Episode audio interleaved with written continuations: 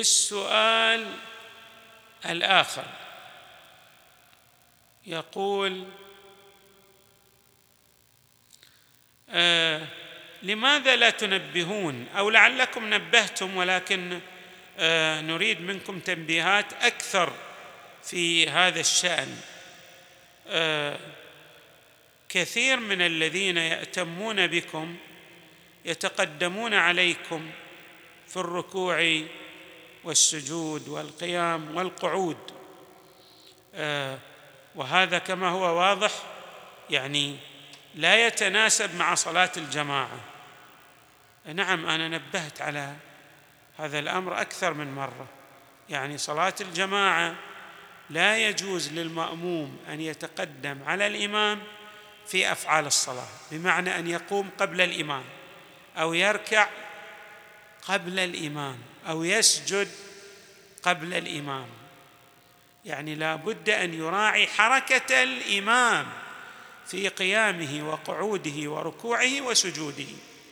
نبهت أكثر من مرة ولكن طبعا آه، كثير من الناس الذين يأتون لصلاة الجماعة لا يعرف أحكام الجماعة إذا صح التعبير. هو قصده أن يصلي جماعة ولكنه يعني ما يعرف أحكام الجماعة بالتالي يسبق الإمام في ركوعه في قيامه في قعوده. طبعا في الأفعال إذا تقدم المأموم على الإمام صلاته صحيحة ولكنه تتحول إلى فراده يعني تخرج عن كونها صلاة ماذا؟ جماعة. تصح صلاته لكن تكون صلاة شنو؟ صلاة فراده في الأقوال. أيضا ينبغي للمأموم أن لا يتقدم على الإمام حتى في الأقوال.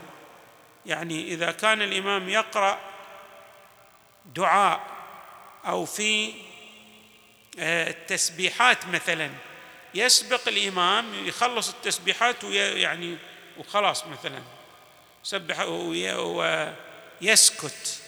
ينبغي أن أو آه، مثلا في تسبيح الركوع والسجود ينبغي الا أو في التشهد مثلا يتقدم على الإمام في الأقوال. طبعا لا يسوغ له أن يسلم قبل الإمام لأنه لو سلم قبل الإمام خرج عن صلاة الجماعة. لكن حتى في التشهد لو تقدم على الإمام فذلك يعني مكروه. ينبغي أن يراعي حتى في الأقوال أن يتأخر عن الامام في صلاة الجماعة في الأقوال لكن في الأفعال بالتأكيد يخرج عن كونه يصلي جماعة تصح صلاته فرادى. سؤال آخر أيضا يتعلق بصلاة الجماعة. يقول ألاحظ أن بعض المصلين جماعة آه، يقرأ في الصلاة سواء كانت إخفاتية أو جهرية يقرأ الفاتحة والسورة. هذا أيضا يعني عطفا على ما سبق. يعني بعضهم لا يعرف أحكام الجماعة. يتحمل الإمام عن المأمومين قراءة الفاتحة والسورة. السورة الكاملة. يعني إذا أنت جئت إلى صلاة الجماعة وأتممت بإمام لا يجب عليك أن تقرأ الفاتحة والسورة.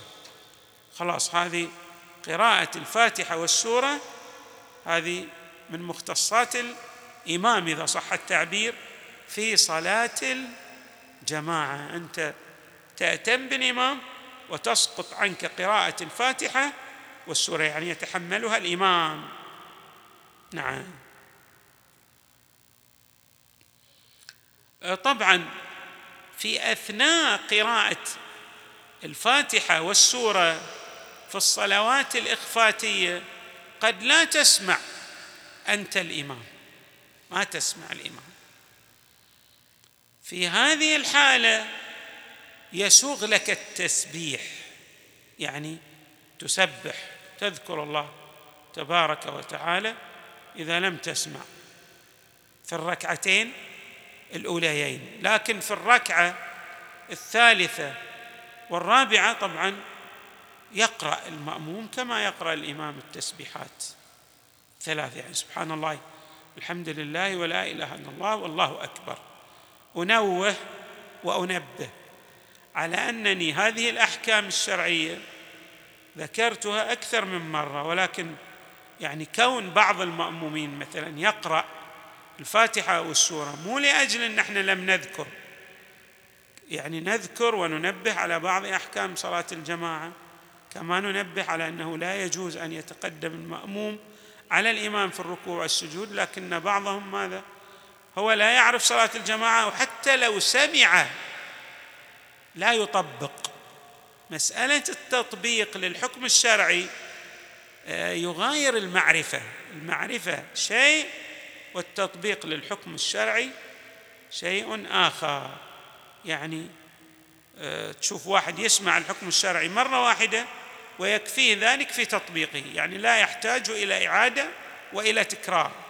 وبعضهم لا يسمع الحكم الشرعي مرات ومع ذلك يطبق يوما أو يومين وبعد ذلك تراه مثلا يترك تطبيق الحكم الشرعي يعني لا يرعوي كأنه لم يسمع. يعني هذه مو مشكلة المشكلة لا ترجع إلى عدم التنبيه. ترجع إلى عدم التطبيق من لدن بعض المأمومين. نعم. آه تتمه حري بمن يأتي إلى صلاة الجماعة أن يعني يلتفت إلى الأحكام الفقهية. هذه الأحكام الفقهية في هذه الأيام موجودة يعني حتى يستطيع أن يتعلمها بواسطة ماذا؟ اليوتيوب. هناك دروس فقهية مبسطة وسهله يمكن أن يستمع إلى هذه الدروس وبعد تعلم أحكام صلاة الجماعة يأتي للائتمام فتكون صلاته إن شاء الله على وفق ما يراه الفقهاء.